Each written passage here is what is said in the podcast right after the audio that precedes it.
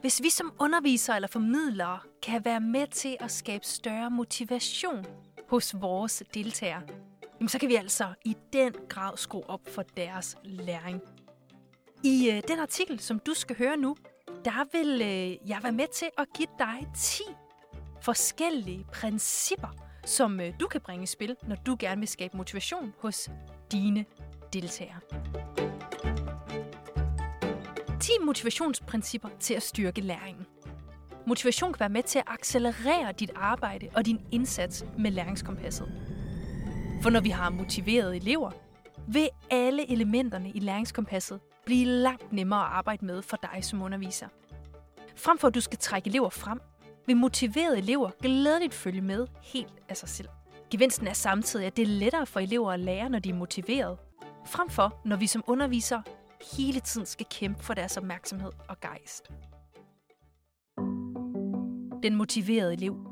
En motiveret elev er en elev, der gør, hvad vedkommende skal gøre, når det skal gøres, fordi personen vil. Det står i kontrast til selvdisciplinerede elever, der gør, hvad de skal gøre, selvom de ikke vil. Det er altså noget helt andet, der driver dem. Det er igen anderledes fra styrede elever, som i højere grad gør, hvad de skal, fordi det skal gøres.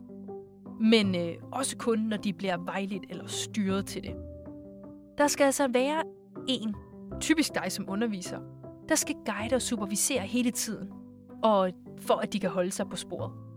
Det kan være udfordrende og ligefrem udmattende at undervise elever, der i så høj grad skal styres. Det kan endda medvirke til, at ens egen motivation som underviser falder. Derfor er øh, det ofte indsatsen værd at arbejde med at øge motivation.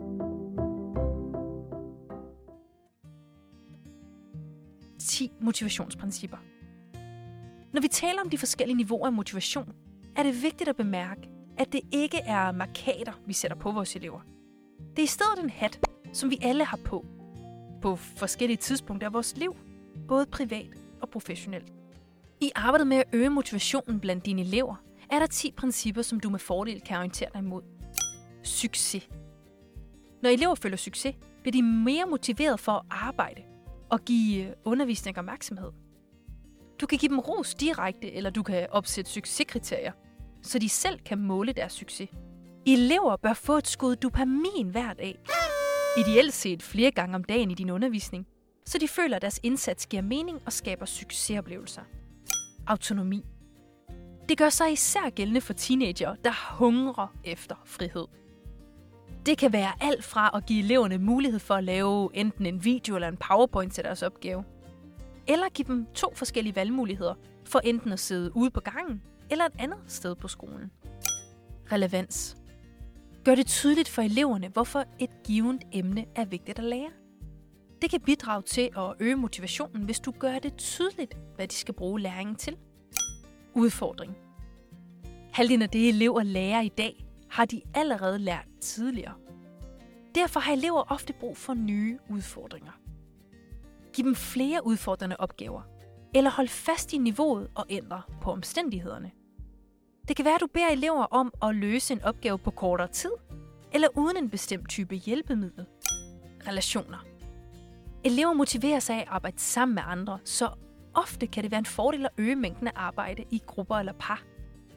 Derudover er der også en stor sandsynlighed for, at motivationen blandt dine elever stiger, hvis de føler, at de har en god relation til dig som underviser. For de fleste, de vil gerne gøre et godt stykke arbejde for nogen, som de godt kan lide. Gør noget nyt. Brud på rutiner og små forandringer kan gøre en stor forskel for den rutineprægede hverdag, som mange elever oplever i forbindelse med undervisningen. Du kan rykke undervisningen til en ny lokation. Bed dem om selv at danne deres grupper, eller inddrage et nyt element som en del af din undervisning. Konkurrence. Lidt kammeratlig konkurrence kan være godt, især for teenager. De fleste kan lide at vinde og vil gå et ekstra skridt for sejren. Det kan bruges aktivt i undervisningen, og en sejr kan samtidig udløse et skud dopamin, som igen bidrager til at øge motivationen. Gør det simpelt og overskueligt.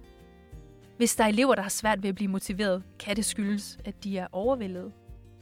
Bryd opgaverne ned i mindre dele og gå stepvist frem.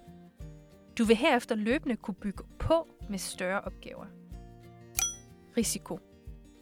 Teenager er drevet af risiko, og det kan du som underviser bruge til din fordel.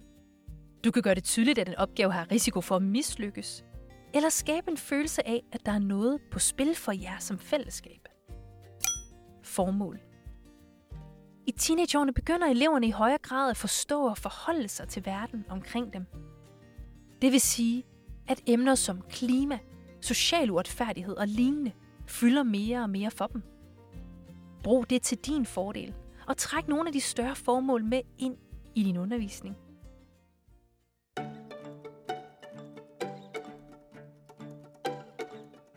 Hvis et af principperne ikke virker over for en eller flere elever, så prøv en anden. Bliv ved med at prøve, indtil du finder en strategi, der virker for alle dine elever. Så kan de lære meget mere og meget bedre, og du kan nyde din dag som underviser.